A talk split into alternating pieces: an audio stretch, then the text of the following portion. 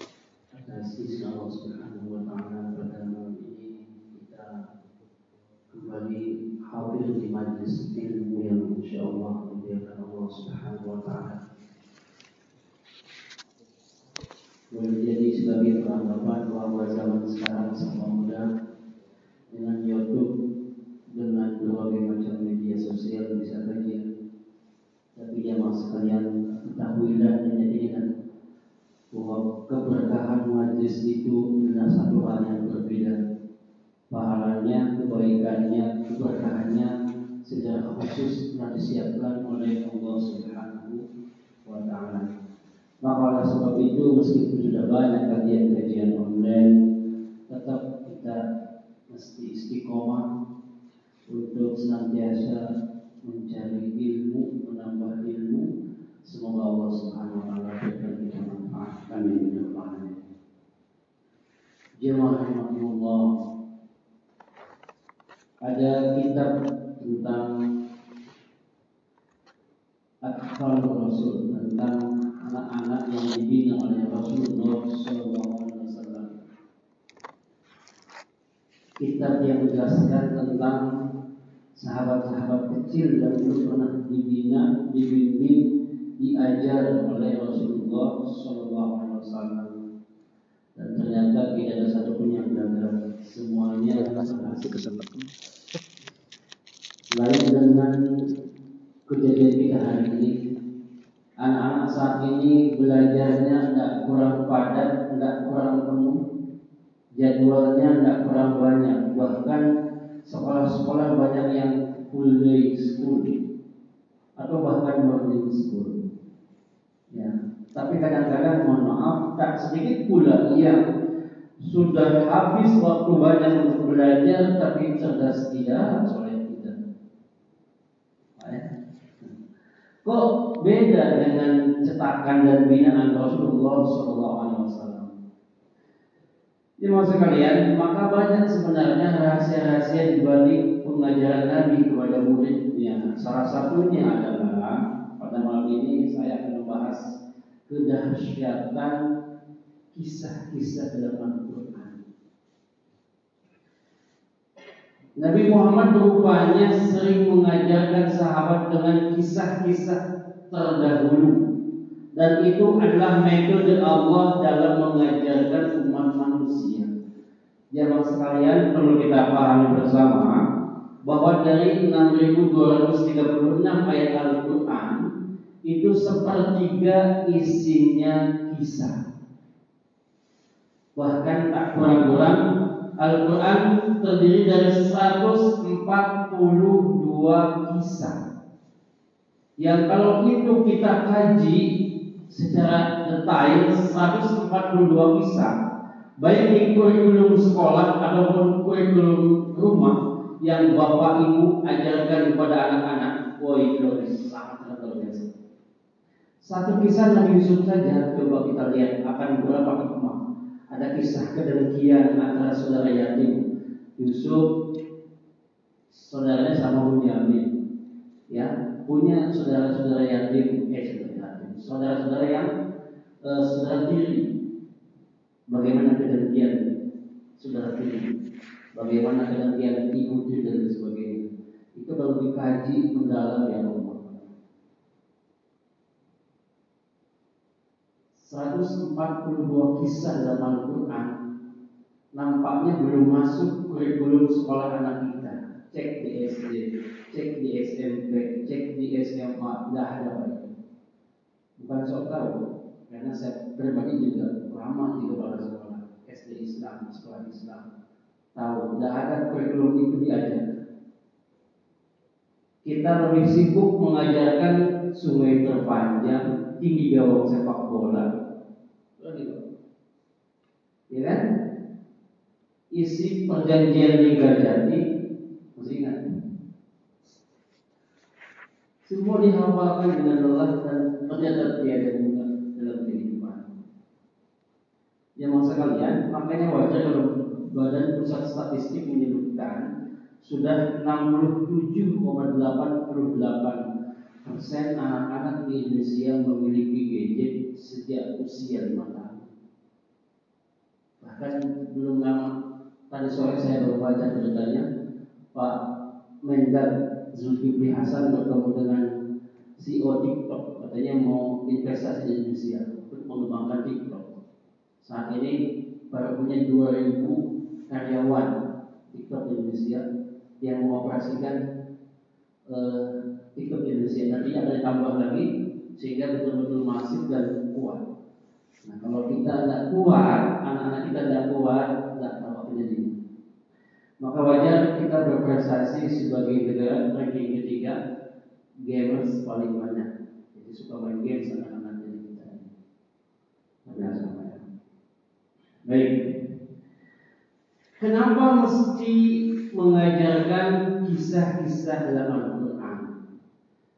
Jemaah sekalian, sebagai catatan, Al-Quran ini memiliki beberapa kelebihan.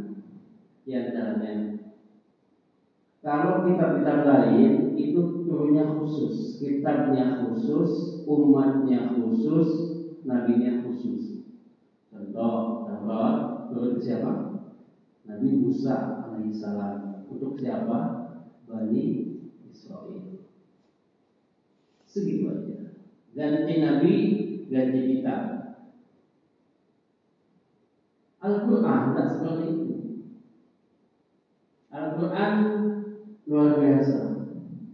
Memiliki banyak keistimewaan. Bahkan bisa berlaku untuk umat memperbaiki umat sebelumnya, umat yang sedang berjalan dan umat yang akan datang. Ya mas sekalian, Al-Quran itu turun 600 tahun sejak masa faktor, masa kekosongan. Coba bayangkan bagaimana sesatnya manusia. 600 tahun tidak Allah utus Nabi. Padahal sebelumnya tak pernah putus. Nabi yang satu hilang muncul Nabi berikutnya. Bahkan ada satu zaman yang nabinya bisa dua atau tiga. Contoh yang saya catat ada Nabi Musa di zaman dengan Nabi Harun. Ya, Nabi Yusuf, Nabi Shu'aib. Kemudian kita lagi ada Nabi Yusuf, Nabi Yakub, Nabi Ibrahim, Nabi Ismail itu di zaman bisa hidup dua sampai tiga nabi. Tapi sejak Nabi Isa alaihissalam itu ada kekosongan 600 tahun. Bagaimana pusatnya manusia 600 tahun kosong tanpa petunjuk. Al-Quran hadir untuk memperbaiki itu, memperbaiki generasi yang kadu tidak ada cahaya sebelumnya sehingga dipakai untuk generasi yang hidup saat itu Nabi dan sahabatnya dan akan relevan akan terus bisa digunakan oleh umat setelahnya maka kalau saat ini ada yang mengatakan Al-Quran tidak cocok lagi digunakan mungkin otaknya yang sudah tidak cocok kita buktikan ya mas kalian di antara yang bisa kita buktikan ada firman Allah Subhanahu wa taala yang menyebutkan tentang rezeki. Kata Allah, "Wa fis samai rizqukum." Dan di langit ada rezeki kalian. Di mana? Fis sama di langit. Ternyata ya mas sekalian, ulama-ulama tafsir menyebutkan maksudnya adalah hujan hujan turun dari langit, tanaman-tanaman tumbuh, kita makan tanaman itu, sayur-sayuran dimakan, buah-buahan dimakan, atau hewan-hewan makan rumput itu, kemudian kita makan sapinya, kita makan kerbaunya, kita makan kambingnya. Tapi jemaah, kalau maknanya hanya fokus hujan saja, kok kalimatnya wafis sama? Kenapa enggak wabinas sama? dan dari langit kan duduk mestinya dari langit tapi kok fis sama maka memang relevan juga untuk saat ini di mana ternyata sumber rezeki saat ini yang paling banyak ada di langit berupa di data jamaah mau nasi goreng mau cuci pakaian mau apa saja sekarang tinggal klik klik ya boleh. Geser-geser klik. Sudah. Siapa yang kuat-kuat pegang data, dia yang akan kokoh menjadi raksasa. Ya, kalau Lazada tidak saya baca 302 triliun tahun kemarin, entah yang lainnya berapa. Bahkan ada pondok pesantren yang bisa menghimpun satu sampai tiga miliar. Membuat paskas itu bisa 12 miliar. Menabung keras itu, itu semua hanya berbasis online. Bisa dilatih masih relevan sampai dengan hari ini. Kemudian yang Allah Subhanahu Wa Taala dulu kedokteran pernah menyampaikan bahwa yang menentukan bayi laki atau perempuan itu katanya gen yang dari ibu sel telur. Ternyata kedokteran kekinian belakangan mendapat kesimpulan bukan. Ternyata mani itulah yang menentukan laki atau perempuan. Maka Allah sebut dalam Al-Quran, wa annahu khalaqaz zawjayn dzakara wal untha. Allah ciptakan laki-laki, Allah ciptakan perempuan dari mana? Min nutfatin idza tunna. Dari air mani ketika memancar. 14 abad yang lalu Al-Quran menyebutkan itu kedokteran belakangan pada menyimpulkan oh ternyata yang paling dominan menentukan jenis kelamin itu adalah mani yang memancar itu sendiri. Ke depan Al-Quran yang sekalian termasuk kisah-kisah dalam Al-Quran jangan disimpulkan bahwa kisah-kisah itu adalah kisah-kisah yang usang ya sudah berlalu berlalu lewat. Namun sudah lewat tidak kisahnya sudah berlalu tapi kejadiannya akan berulang sampai hari ini. Maka kita harus mengambil ibro dari kisah-kisah tersebut. Kisah kedengkian dalam kisah Habil dan Qabil dan Nabi Adam itu akan terus berulang. Tidak cukup sampai anak Nabi Adam tapi akan terus berulang sampai hari kiamat. Maka jemaah kita sering memahami bahwa Al-Quran adalah furqan, pemisah. Quran adalah furqan, pemisah. Kisah dalam Al-Quran adalah bagian dari Al-Quran. Maka kisah-kisah Al-Quran mesti kita ceritakan supaya menjadi furqan. Kan A sama dengan B, B sama dengan C, berarti A sama dengan C. Kita memahami bahwa Al-Quran adalah syifa, obat. Kisah-kisah dalam Al-Quran bagian dari ayat-ayat Al-Quran. Maka juga menjadi syifa, menjadi obat. Bagaimana ayat tentang kisah mau menjadi obat?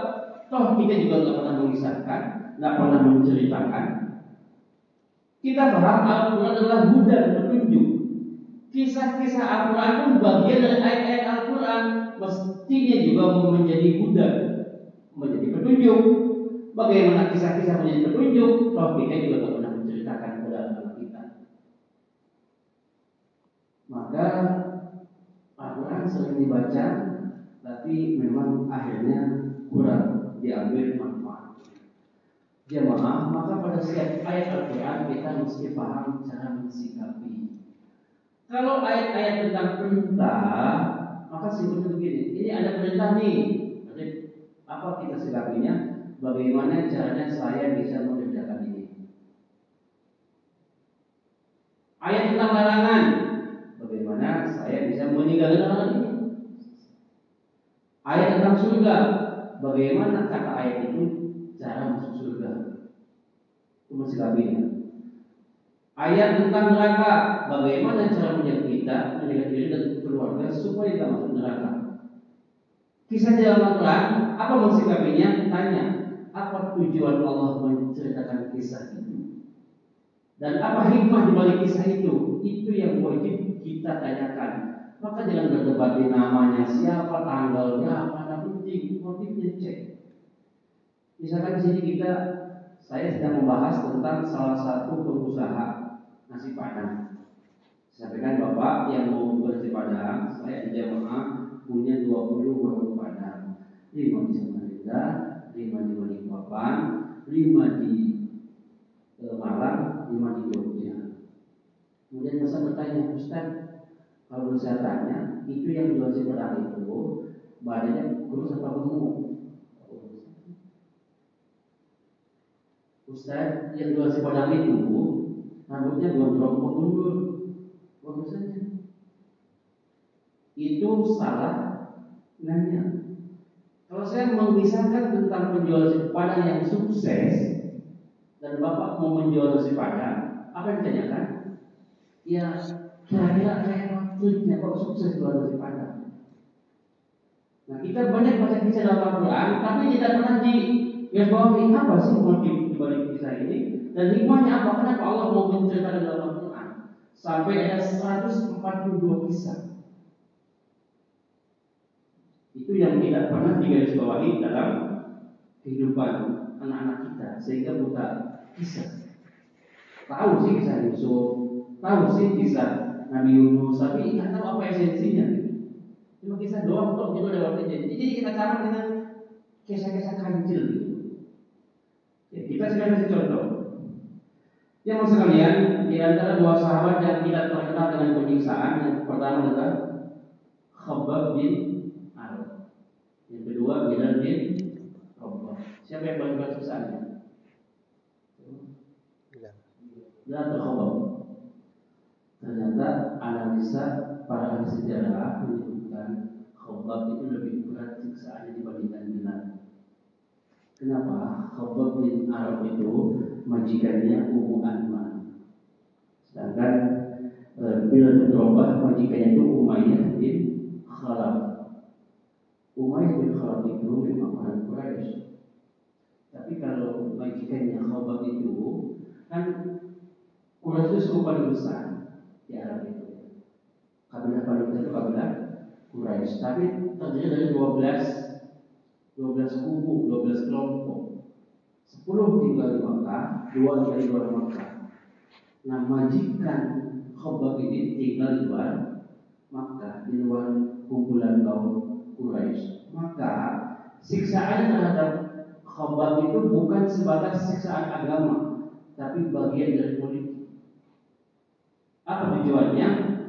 Aku sama kalian loh, aku berkoalisi sama kalian.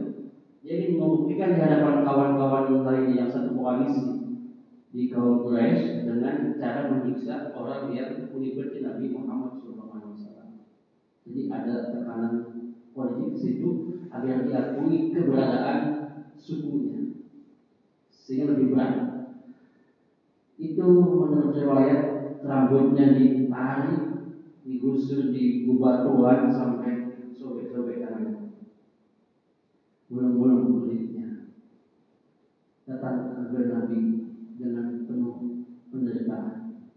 Ya Rasulullah wahai Rasul ala tasam siruni Ala tad'u Ala tad'u lana Tidakkah kau doakan kami wahai Rasulullah? Ya maaf apakah Nabi mau Nabi melihat dalam ucapan Khobab tadi ada semacam tayas, ada semacam putus asa. Maka Nabi agak sedikit kurang suka dengan perkataan itu dan Nabi menjelaskan Ketahuilah, sungguh umat terdahulu sudah mendapatkan penderitaan yang menimpa. Nabi jelaskan bahwa dulu ada orang yang hidup-hidup di tanah. Ada Nabi yang telah digergaji kepalanya terbelah dua tubuhnya. Ada yang disisir pakai besi sehingga kulitnya terpisah dari tulangnya.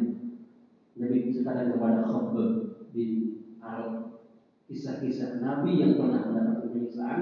Kemudian Nabi menjelaskan kepadanya, Wallah la yajimanna Allah hadzal amr. Demi Allah, Allah akan mengangkat perjuangan ini wahai Allah.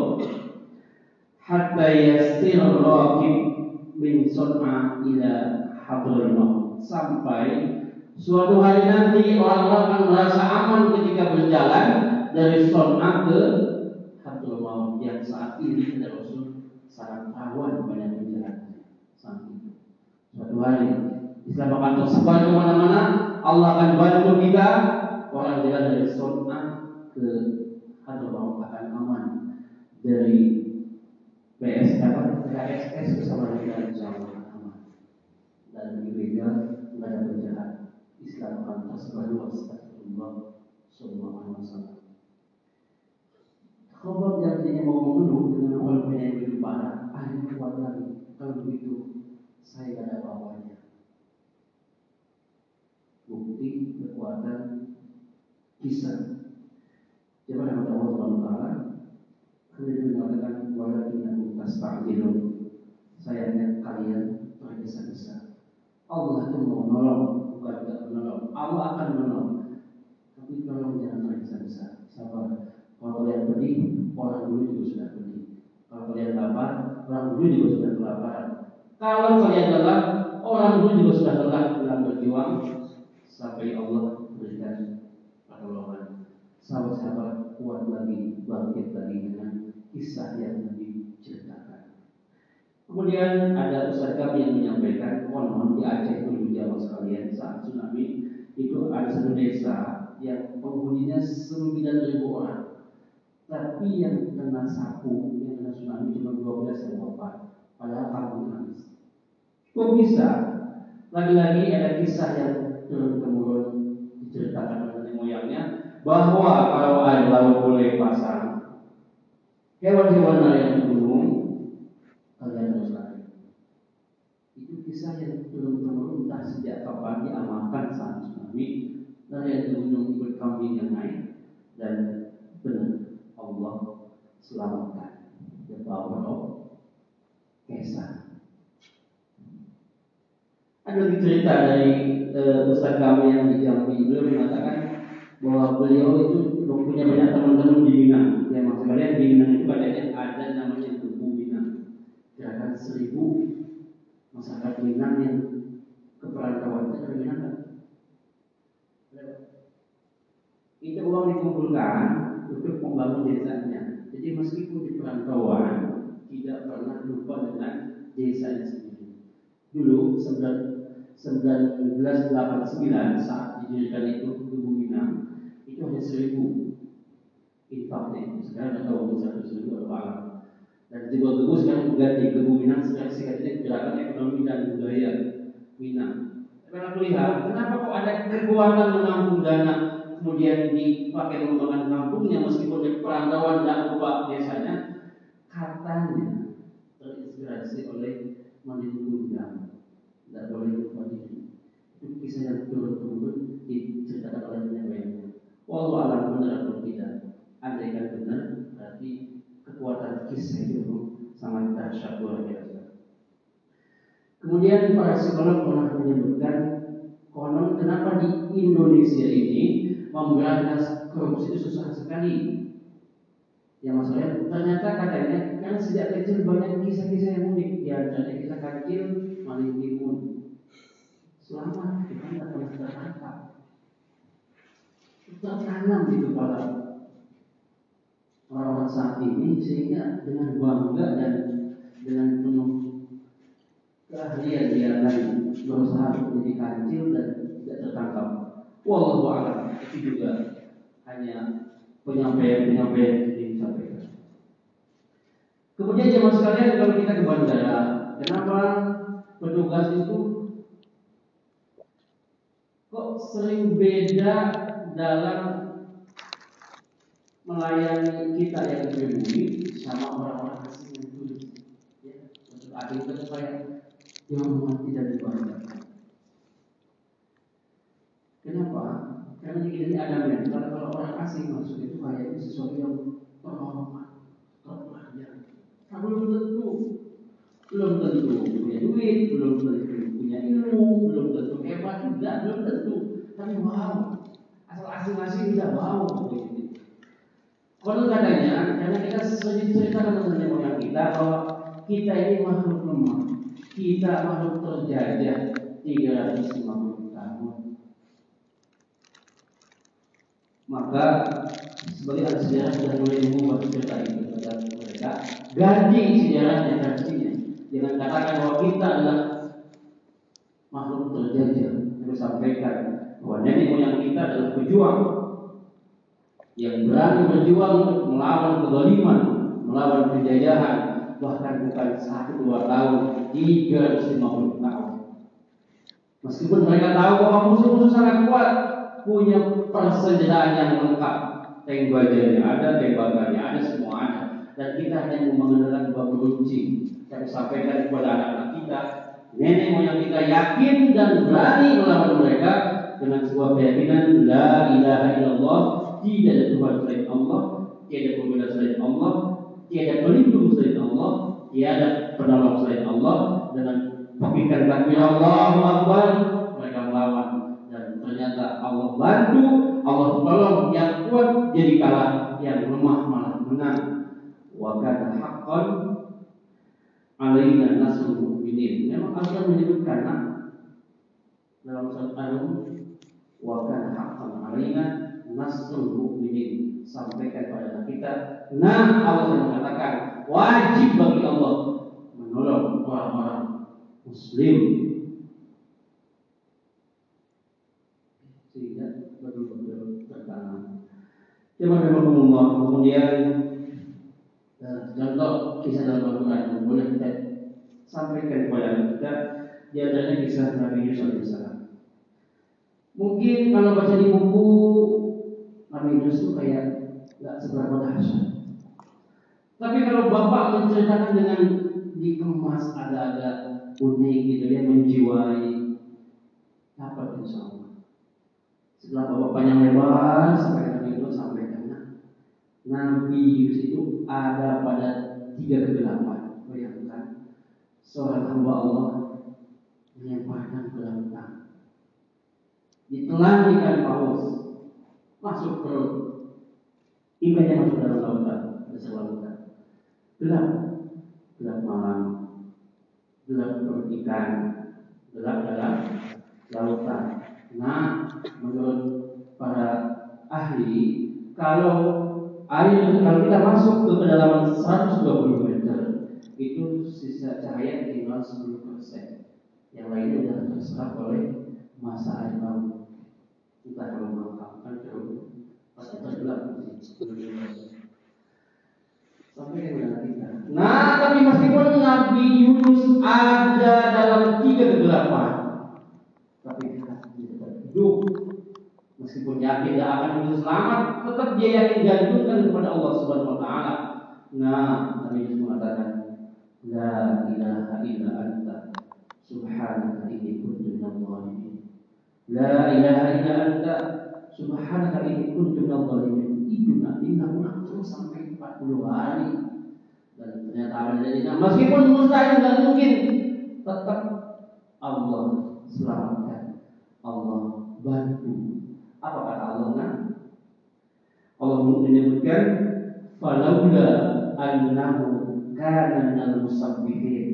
Andaikan Yunus tidak bertasbih kata Allah, apa? lalabitha fi batnihi ila yaumi yub'atsun pasti dia akan berada dalam perut itu sampai hari kebangkitan artinya akan busuk dalam perut ikan tapi dia bertasbih kepada Allah Allah selamatkan maka kamu nak saudara nanti kamu boleh hilang jabatan kamu boleh hilang kekuasaan boleh hilang impian boleh hilang semua yang pernah diharapkan tapi jangan pernah hilang Allah dalam hatimu. Sebab Allah hilang dalam hatimu, maka kamu benar tidak punya apa-apa. Tapi selama Allah dalam hati, semua yang hilang bisa Allah kembalikan. Tanamkan pada anak kita. Hikmah di balik sejarah, di balik kisah. Jangan kasih kisahnya aja. Dan diambil hikmahnya apa? Ya kalau kita malah lewat aja kisah itu lah bermakna. Nanti ada gunanya, Pak, itu kan Nabi, kita bukan Nabi, tidak mungkin Allah tolong. Bapak menyebutkan, wa kadzalika nunjil mu'minin.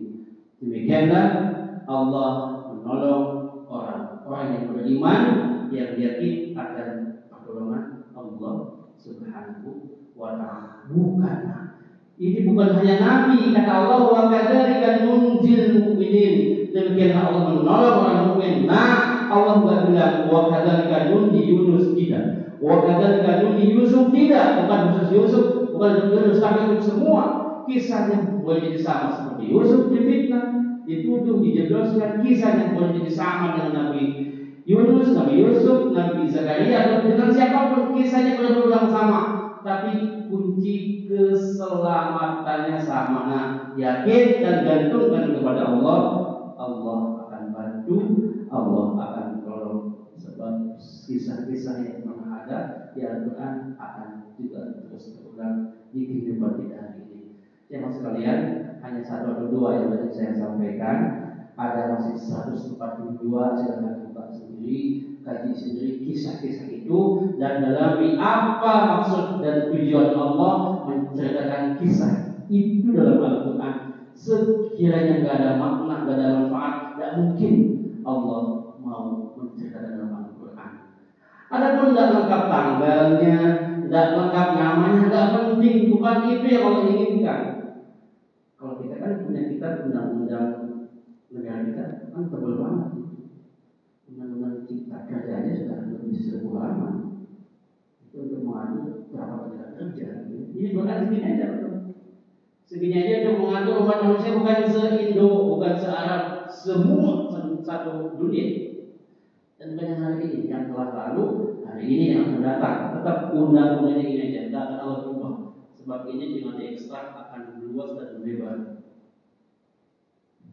Maka insya Allah setelah problem yang dihadapi akan ada jawaban dalam Al-Quran. Termasuk berbagai macam rintangan kehidupan carikan kisah di Quran ketemu insya Allah dan sampaikan kepada anak-anak kita murid-murid kita semua mudah-mudahan mereka mendapatkan syifa, dapat obat, dapat furqan, dapat nur, dapat cahaya, dapat berbagai macam kebaikan dari kisah yang Allah tuang dalam Gak usah panjang-panjang Nanti bingung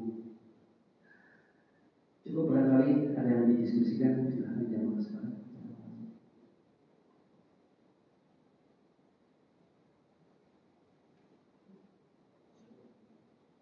Wah, atau mesti bingung bilang lagi? Dari awal.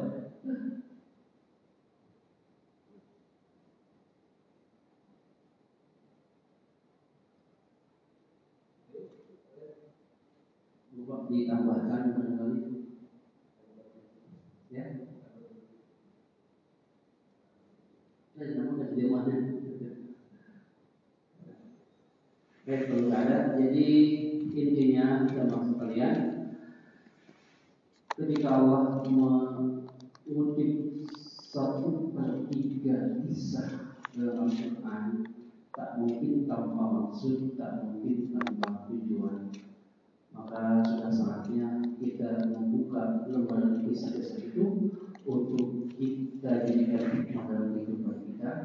Kita ajarkan kita tanamkan kepada anak-anak kita juga supaya mereka juga menjadi hamba-hamba yang kuat yang tangguh dengan izin Allah Subhanahu wa taala dan itulah di antara cara Nabi menguatkan para sahabat-sahabatnya dengan kisah-kisah yang ada khususnya kisah yang ada dalam Al-Quran.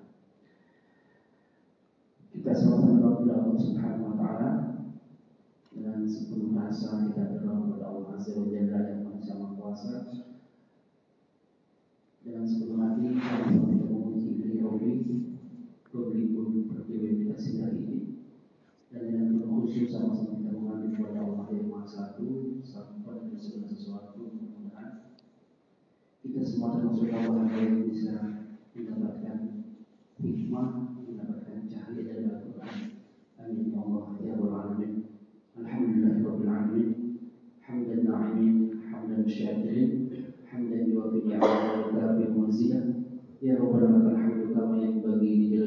وعليه سلطانك العظيم.